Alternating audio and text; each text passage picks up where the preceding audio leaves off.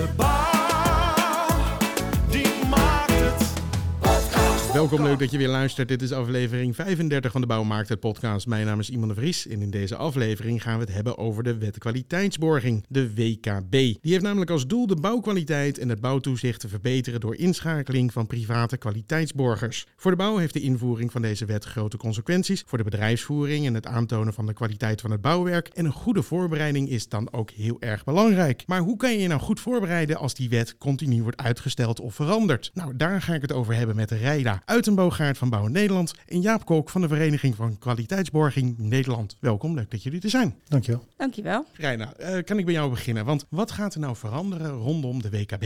Nou, de wet kwaliteitsborging voor het bouwen, zo heet die voluit, die heeft eh, twee kanten. Eén kant is een publiekrechtelijke kant. Dat heeft te maken met de gemeente, eh, waar je dan een melding moet doen voor de bouwactiviteit. En eh, waarbij je een kwaliteitsborger moet inschakelen. Eh, dat geldt voor een beperkte groep bouwwerken. Eh, alleen gevolgklasse 1, zoals dat dan heet. Dat zijn eensgezinswoningen, hè, de grondgebonden woningen. Ja. En Wordt het meteen al technisch? Ja, ja, precies. Wordt meteen al technisch. En eh, eh, kleine bedrijfsgebouwen, onder andere. En de wet herkent ook een andere kant, een privaatrechtelijke kant. Die gaat gelden voor alle bouwwerken, van groot tot klein. Ook verbouwingen, nieuwbouw, alles door elkaar. En eh, die heeft te maken met wijzigingen in aansprakelijkheid, waarschuwingsplicht, opleverdossier, dat soort zaken. Maar wat verandert er dan daarbinnen? Ehm, nou, daar gaan we misschien heel erg in detail eh, daarop in. Eh, ja, er verandert op een aantal punten gewoon best veel. Ja. En aannemers die zullen nou ja, hun proces beter moeten vastleggen. En ook ehm, eh, in waarschuwing en aansprakelijkheden en dergelijke dingen beter moeten omschrijven. Die beslissing om de WKB in te voeren, die is echt al jaren geleden genomen. Ik weet dat ik Ja. hier, eh, sinds we de podcast eh, begonnen, zat ik in het begin nog wel eens met Maxime Verhagen ook aan tafel. Zijn grote ergernis was toch wel redelijk vaak, nou wordt die wet weer uitgesteld en weer met een half jaar. En elke keer wordt dat weer gedaan. Hoe kan je nou als bouwer weten waar je aan toe bent als dat, als dat steeds gebeurt? Nou, alle seinen staan op groen. Ja, Alle officiële stappen zijn gezet. 1 januari 2024 is de ingangsdatum. In de politiek weet je het nooit. Kunnen rare dingen gebeuren. Maar ja, eh, eh, als je daarop wacht, dan ben je eigenlijk te laat. Dus het verstandig is om daar nu alvast wel met de voorbereiding in ieder geval te beginnen. En ga er maar vanuit dat 1 januari eh, gewoon de datum is. Ik ben het er helemaal mee eens. eh, want door nu te oefenen ben je ook, eh, ja, ben je ook goed voorbereid aan de start. eh, kun je dan eh, verschijnen. En of die nou 1 januari eh, in- ingaat of verbouwing een half, jaar, een half jaar later, dan is het wel belangrijk dat je je goed voorbereid hebt. en ik merk ook bij heel veel organisaties die ik, die ik spreek, die begonnen zijn met die voorbereiding, dus die met proefprojecten mee hebben gedaan en die, die dus al flink geoefend hebben, dat ze best blij zijn met het feit dat ze geoefend hebben. Het is, het is pittig, want het is ja, opnieuw leren fietsen voor sommigen. Maar wel, eh, wel op een positieve manier. eh. en ik hoor ook wel best wel wat signalen van dat het eh, ook wel bijdraagt in een, in, een efficiënter eigen proces te doorlopen. En dat, dat vind ik wel ook iets positiefs. Ja, ik heb ook wel eens als de podcast met opgenomen en dan ging, gaan de microfoons uit en dan zijn er altijd een paar van die onderwerpen die dan langskomen. En de WKB is er toch ook wel eens eentje van. Is het nou weer uitgesteld? Hoe weten we? Dus ik kan me voorstellen dat mensen er wel een beetje moe van worden dat, het, dat die steeds weer verder. Het, het, het helpt niet heel erg bij om dit lekker te accepteren dat dit eraan is, aan zit te komen, denk Nee, ik. nee, nee, precies. En dat, dat merken we ook eh, bij de VKBN-achterban. Want dit, dit zijn ook gewoon, eh, ook gewoon organisaties die moeten ook zelf kunnen oefenen. Eh, want ook de, de borger, dat is dat, de kwaliteitsborger, dat is een professional die nieuw is in het speelveld. Maar ook die moet in het speelveld leren oefenen van hoe dat precies werkt eh, in de samenhang met andere spelers. En dus we moeten ook met, elkaar kunnen oefenen. En als er dan steeds signalen komen van, eh, van uitstel, dan is het de, de prikkel om te oefenen, die verdwijnt ook. En we hebben het gewoon zo hard nodig dat we, dat we met z'n allen op tijd klaar zijn. Ja.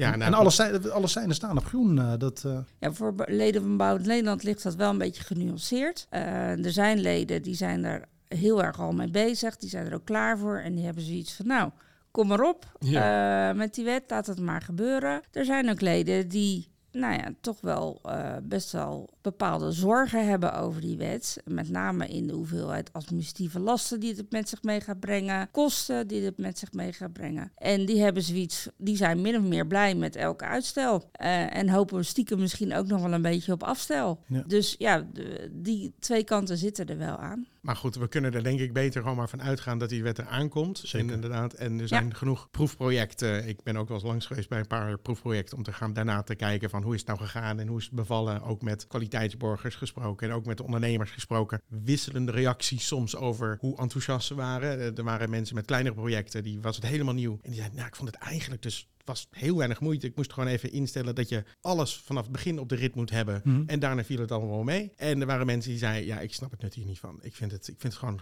het kost voornamelijk gewoon weer extra geld. En dat is, eh, dat is jammer. Maar hij komt eraan. En eh, als ik jullie vraag, is, vinden jullie het een vooruitgang of vinden jullie het een belemmering? Ik vind het zelf eh, ik vind het zelf een vooruitgang, zeker weten. We leven toch wel in, in, eh, ook in een tijd waarin eh, aantoonbare kwaliteit, dat dat gewoon belangrijk is. En, en deze wet zorgt er ook voor een stukje, stukje zekerheid bij de, bij de bouwconsument. Dat hij het product krijgt waar hij waar die om gevraagd heeft. Maar het zorgt ook voor een stuk, een stuk zekerheid, denk ik ook in de bouwsector. Dat je kan, kan leveren van wat je beloofd hebt.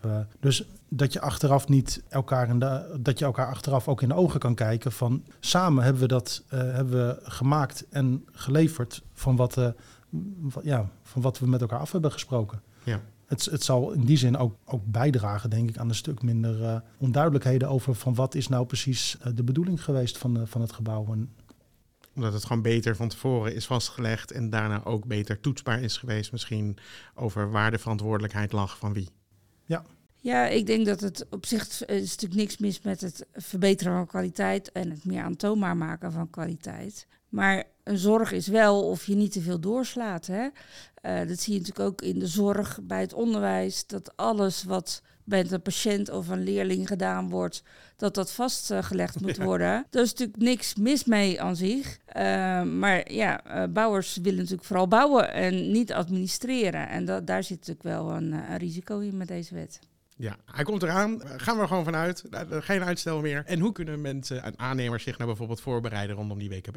Nou, vanuit Bouwend Nederland hebben we daar een heel eh, traject voor. Eh, diverse hulpmiddelen bieden we aan in verschillende fases, hè, oriëntatiefase. Dus dan kan je naar bijeenkomsten die we regelmatig eh, organiseren door het land heen. Samen met kwaliteitsborgers en met gemeenten vaak. We hebben ook hulpmiddelen in de vorm van een infoblad. Onze website staat vol met allerlei informatie. Wil je stapjes verder zetten, dan hebben we daar ook weer hulpmiddelen voor, zoals een WKB basistraining, die ook al door meer dan duizend deelnemers eh, gevolgd is. Dus die echt eh, ja, best heel eh, aan in de, van de behoefte voldoet. Ja. En ga je je echt voorbereiden, dan hebben we daar bijvoorbeeld een stappenplan voor. We hebben een begeleidingstraject wat we aanbieden. Individuele advisering kun je krijgen via Bouwen Nederland. En we hebben diverse modelcontracten ontwikkeld. En we zijn op dit moment nog bezig met de Vereniging Kwaliteitsborgers om ook samen een modelcontract op te stellen rondom de verhouding Nou, hartstikke goed bouwend Nederland. eh, Een heel palet aan, eh, aan, aan, zaken eh, opgesteld om, om, de, om de bouwers te, te kunnen helpen. En dat helpt ook op het moment dat je aan de slag gaat met, met bijvoorbeeld een proefproject. Want Ja. je ziet heel vaak dat hoe goed je je ook, ook voorbereidt, hoe goed je inleest, hoeveel je erover hoort.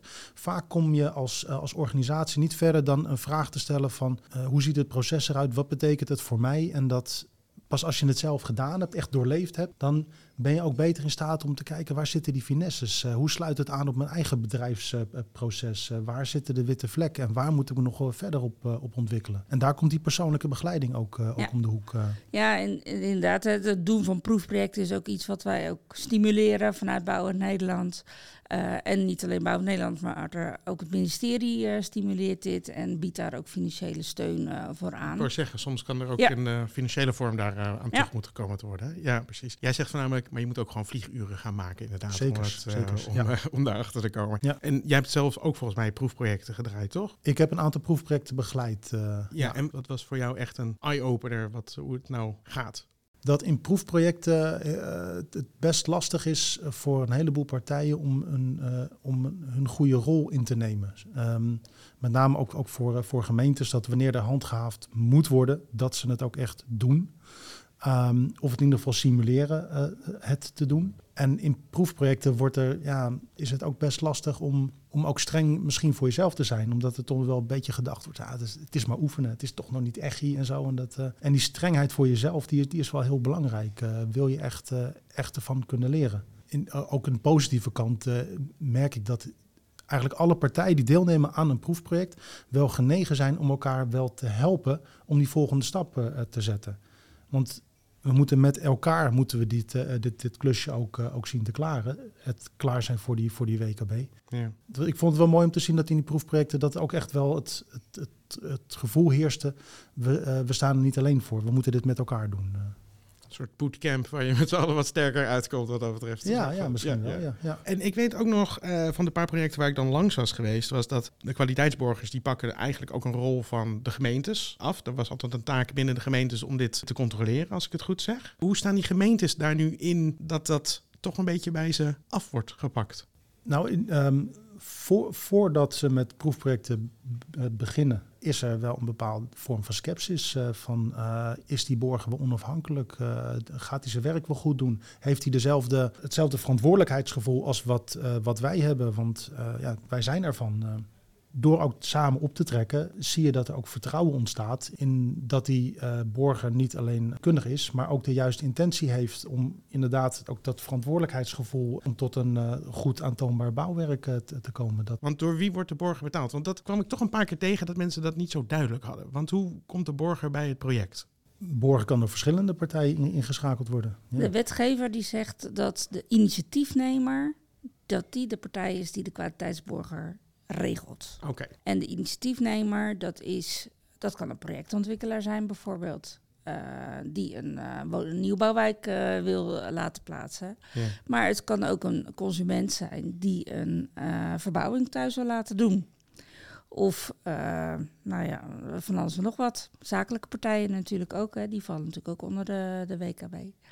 Dus de initiatiefnemer schakelt de kwaliteitsborger in. En ja, eh, dat is in principe niet de aannemer. Nee, precies. En daar, daaruit wordt dus gegarandeerd ook die onafhankelijkheid en dat die verantwoordelijkheid ook voor een deel dus ligt bij de kwaliteitsborgers. Nou, het, het, stelsel garandeert eh, onafhankelijkheid. eh, want een kwaliteitsborger die moet met een toegelaten instrument eh, werken. Ja. En dat instrument moet de borger toegelaten hebben. Daar staan op de, op de website van de TLOKB, de toelatingsorganisatie van de kwaliteitsborging, staan alle geregistreerde of toegelaten instrumenten en toegelaten kwaliteitsborgers geregistreerd. En zo'n instrument moet ook toezien dat die borger zijn werk eh, goed eh, doet. Maar ook de TLOKB voert steekproeven uit om te kijken van of de, eh, of de borger zijn werk doet. eh. Dus die onafhankelijkheid wordt eigenlijk door het stelsel gegarandeerd. En, en niet zozeer door, eh, door de contractuele relatie op een project eh, tussen, tussen twee partijen. Nee, want het kan wel zo zijn dat de aannemer de kwaliteitsborger inschakelt. Ja, precies. dat kan hij afspreken met zijn opdrachtgever dat hij dat verzorgt. En dat heeft voor- en nadelen.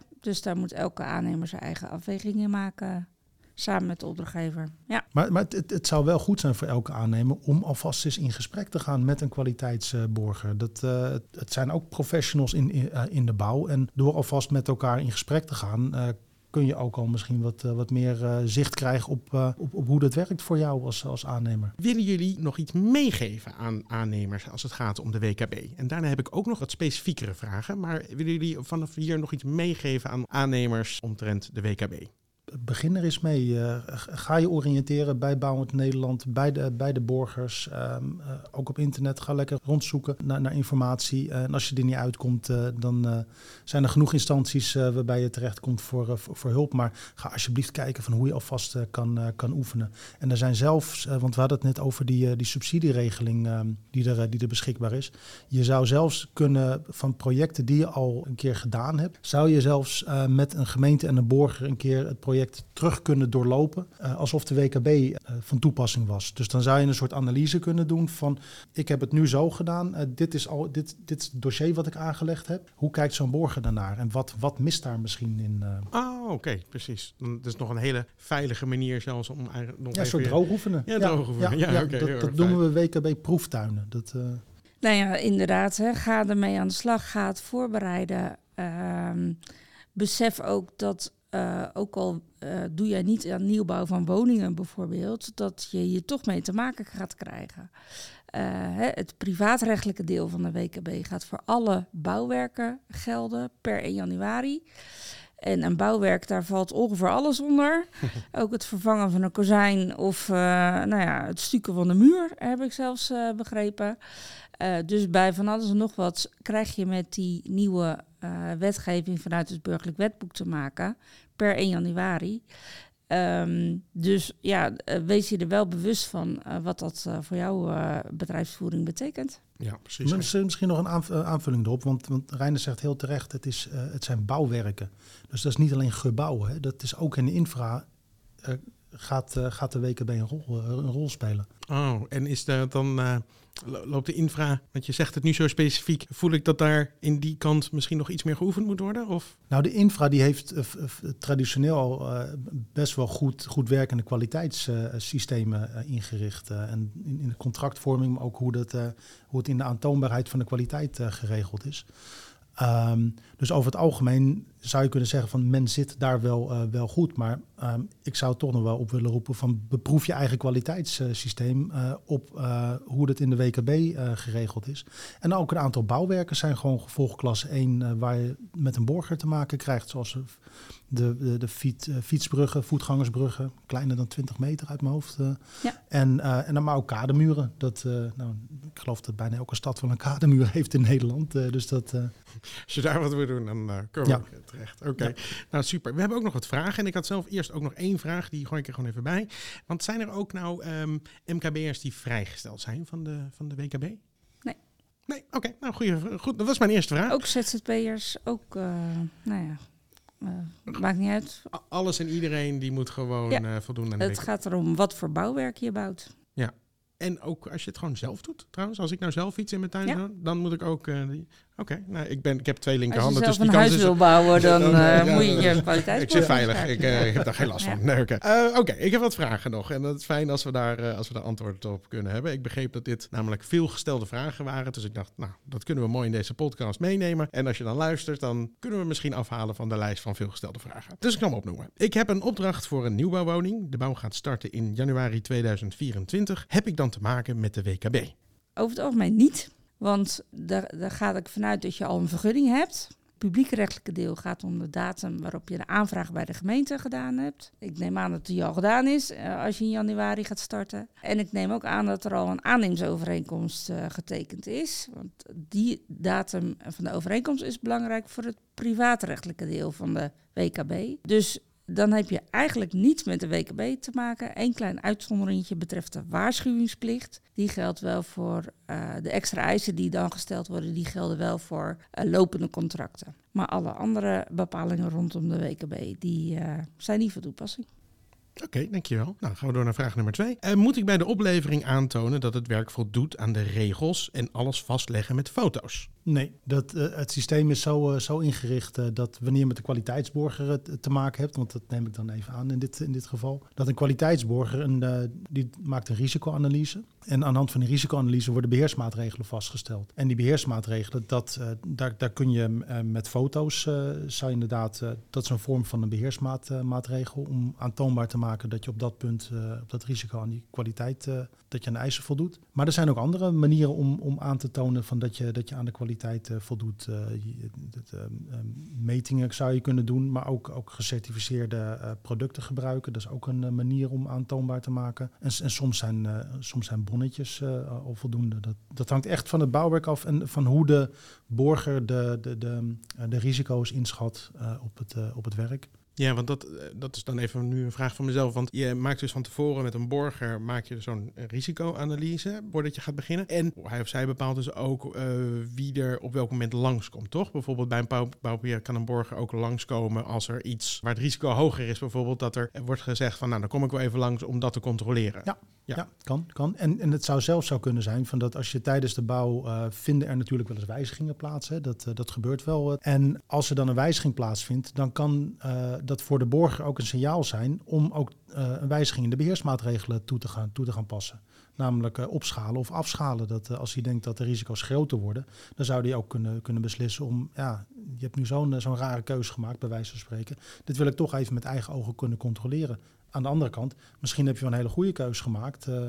Eh, ehm, in, eh, in, in de wijziging. En eh, dat hij zegt van nou, ik heb, ik heb hier, eh, ik ga afschalen in mijn beheersmaatregelen. Dat, in aanvulling op Jaap, Jaap benoemt de publiekrechtelijke kant, hè, dus de kant met de kwaliteitsborger. Maar dit heeft ook te maken met de privaatrechtelijke kant. Want ook daar kan van je gevraagd worden om een opleverdossier te verstrekken. En het heeft ook te maken met de aansprakelijkheid die je dan na oplevering hebt. Het is niet zo, wat er wel eens gedacht wordt, dat je als aannemer aan moet tonen dat het allemaal goed is bij de oplevering. Want het is nog steeds, als er na de oplevering blijkt iets niet goed te zijn, dan geldt de stelregel wie eist bewijst. En dat betekent dus dat de opdrachtgever moet aantonen dat het, er al een gebrek was bij oplevering en dat dat ook eh, ja, op bordje van de aannemer eh, terecht zou moeten komen. Ja, precies. Ja. Want ik heb toen een keer zo'n eh, voorman eh, gesproken. En die zei, nou, ik heb het eigenlijk allemaal zelf maar eerste instantie gedaan. Want ik wou het eerst zelf onder de knie hebben. Op welke punten ik nou een foto moet nemen. En op welke punten er een borger langskomt. En eh, voordat hij zei, voordat ik het ga delegeren naar iemand anders, wou ik het gewoon eerst zelf weten. En hij zei,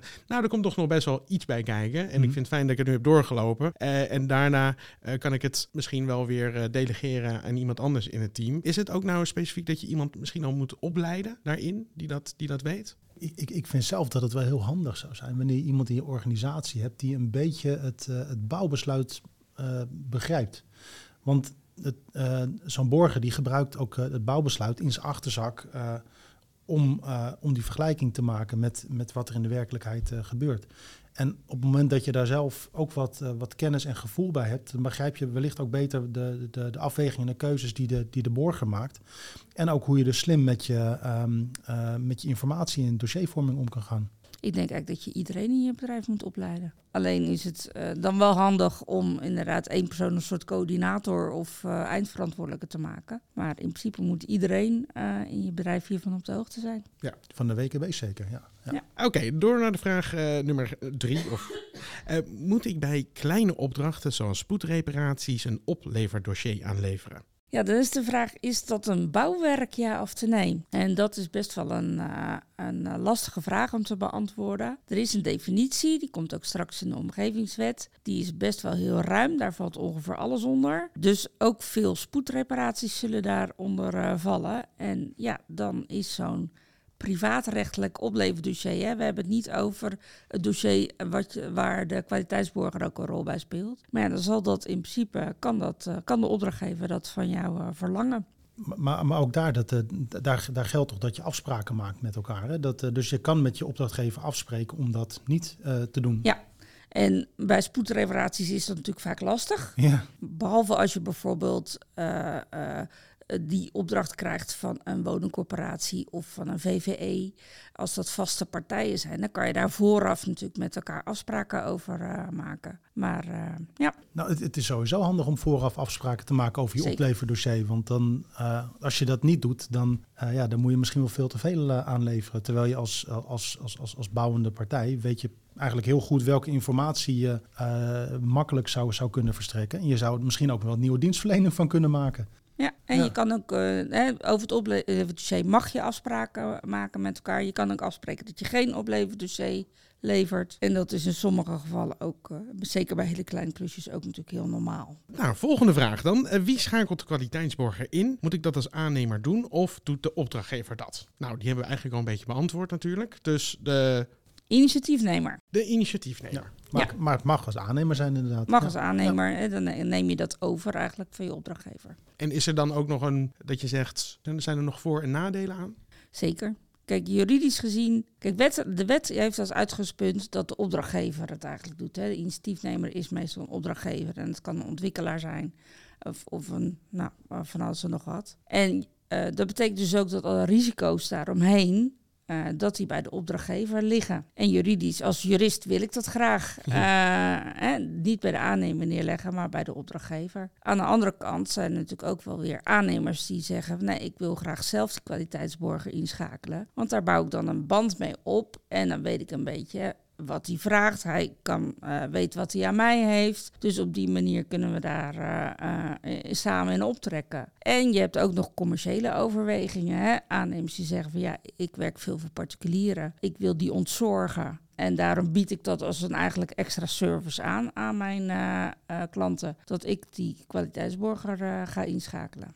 Ja, dat laatste lijkt me wel. Is dat dan ook in het belang van de klant? Of is dat. Het lijkt me ook wel fijn als je als particulier. dat je dat toch zelf ook doet. Zodat je ook nog een beetje die controle hebt over eh, de kwaliteit. Ja, ik weet niet of je de controle hebt over de kwaliteit. Maar als ik het zo hoor, dan klinkt het een beetje vanuit de particulier gezien. dat ik denk van. Oeh, volgens mij moet je dat toch ook eigenlijk zelf willen doen dan. Nou, ik vind daar niks mis mee als je Ja. dat zelf doet. Ja. Nou, dank jullie wel. Hadden jullie zelf nog iets van. Had jij nog een vraag die je heel vaak tegenkomt. dat je denkt van. Nou, die wil ik nog even hier beantwoorden? Nou, misschien nog één eh, onderwerp wat we nog niet zo aan de orde hebben gehad, is eh, hoe gemeenten straks omgaan met eh, bijzondere situaties. Bijvoorbeeld als er een casco-bouw gedaan wordt of als er iets gebouwd is wat een heel klein beetje afwijkt van het bouwbesluit, Ehm, maar eh, wat niet zo 1, 2, 3 eh, te repareren valt. En een voorbeeld is bijvoorbeeld een eh, verdiepingshoogte die niet 2,70 meter is, maar 2,69 meter. Dan kan de kwaliteitsborger in principe geen verklaring afgeven dat het voldoet aan het bouwbesluit. En de gemeente die mag dan vervolgens keuzes maken hoe die daarmee omgaat. Of die daar handhavend bij optreedt. Hè, want de gemeente is nog steeds de partij die handhaaft. En nou ja, dat is voor eh, de aannemers toch wel belangrijk om te weten hoe een eh, gemeente daarmee omgaat. Ook bijvoorbeeld bij een nieuwbouwproject van, eh, laten we zeggen, 50 woningen. Als die telkens in blokjes van 10 eh, woningen opgeleverd wordt, dan kan de kwaliteitsborger bij de eerste 10 woningen nog geen verklaring over het hele project afgeven, want het project is nog niet klaar. Eh, maar ja, die mensen eh, die die woning gekocht hebben, die willen daar natuurlijk wel in. Dus ook dat is een van de bekende problemen of problemen aandachtspunten nu eh, rondom ja, de wet kwaliteitsborging. En we hopen dat daar eh, snel eh, meer duidelijkheid eh, over komt. Ja, en, en, en, en je, je, je ziet dat, ehm, dat, dat gemeentes daar wel mee worstelen met dat, met dat handhavingskader. Er zijn wel wat ontwikkelingen geweest de afgelopen jaren om daar, om daar wat, eh, wat grip op te krijgen. Eigenlijk is het devies van hoe je daarnaar kijkt als gemeente een beetje hetzelfde als hoe kijk je op dit moment naar handhaving voor vergunningsvrije bouwwerken. Dat is de, de stelregel. En voor gemeentes moeten ook de, de, de, de vertaalslag eh, eh, misschien nog maken hè, van hoe handhaven ze nu en hoe handhaven ze, eh, handhaven ze zo meteen. En misschien dat daar niet heel veel, eh, heel veel wijziging in zit. En tegelijkertijd is er ook nog een tweede mechanisme wat, wat in werking gaat treden op het moment dat, we, dat, de, dat de wet ingaat. En dat is dat ook eh, het niet hebben van een verklaring. Want als je geen verklaring hebt, dan zou de gemeente al dan niet moeten handhaven. En daar hebben ze een handhavingskader voor nodig om, dat, om daar een beslissing over te nemen. Maar er zijn ook nog verzekeraars en hypotheekverstrekkers eh, die zich ook gaan roeren hierin. Die, die kunnen ook gewoon, gewoon prima zeggen van geen verklaring is eh, geen verzekering of hogere verzekering. Hè, dat, daar zit eh, ook een soort impliciete handhaving eh, in vanuit, eh, vanuit de markt. Dus dat is eigenlijk in plaats van één mechanisme treden er zometeen twee mechanismes in werking. Alleen al door het zijn van, van de verklaring of niet. en dat, dat vind ik wel een hele. Ja, mag ook wel meegenomen in de discussie worden. Dat, Ja, precies. dat, We had- we hadden net op een punt dat ik dacht, nou, we hebben het nu uitgelegd en nu maak je het toch moeilijker. Heb ik het gevoel. oh, daar- ja, nee, dankjewel. Dat, Ja, eh, dat doe ik graag. We gaan het allemaal zien straks 1 Ja. januari, Ja, hoe het gaat uitpakken. ja, heel goed, heel goed. Nou, Dank jullie wel dat jullie er eh, eh, zijn, waren en voor jullie tijd. En eh, ik gok dat je misschien nu nog steeds wel wat vragen hebt over de WKB. Neem dan vooral even een kijkje op bouwendnederland.nl slash WKB. Daar staat een hele hoop actuele en nuttige informatie over alles wat betreft de WKB. Dus eh, daar zou ik zeker even gaan kijken. En eh, ik denk ook, dat mag ik wel volgens mij namens jullie zeggen, ga proefprojecten draaien, want die Zeker. uren heb je Ja. zeker nodig. Nou, om geen aflevering te missen van deze podcast, druk dan even op die volgknop op Spotify, die abonneerknop op Apple Podcast en natuurlijk een rating achterlaten. Wordt zeer gewaardeerd. Verder natuurlijk bedankt voor het luisteren en tot over twee weken. De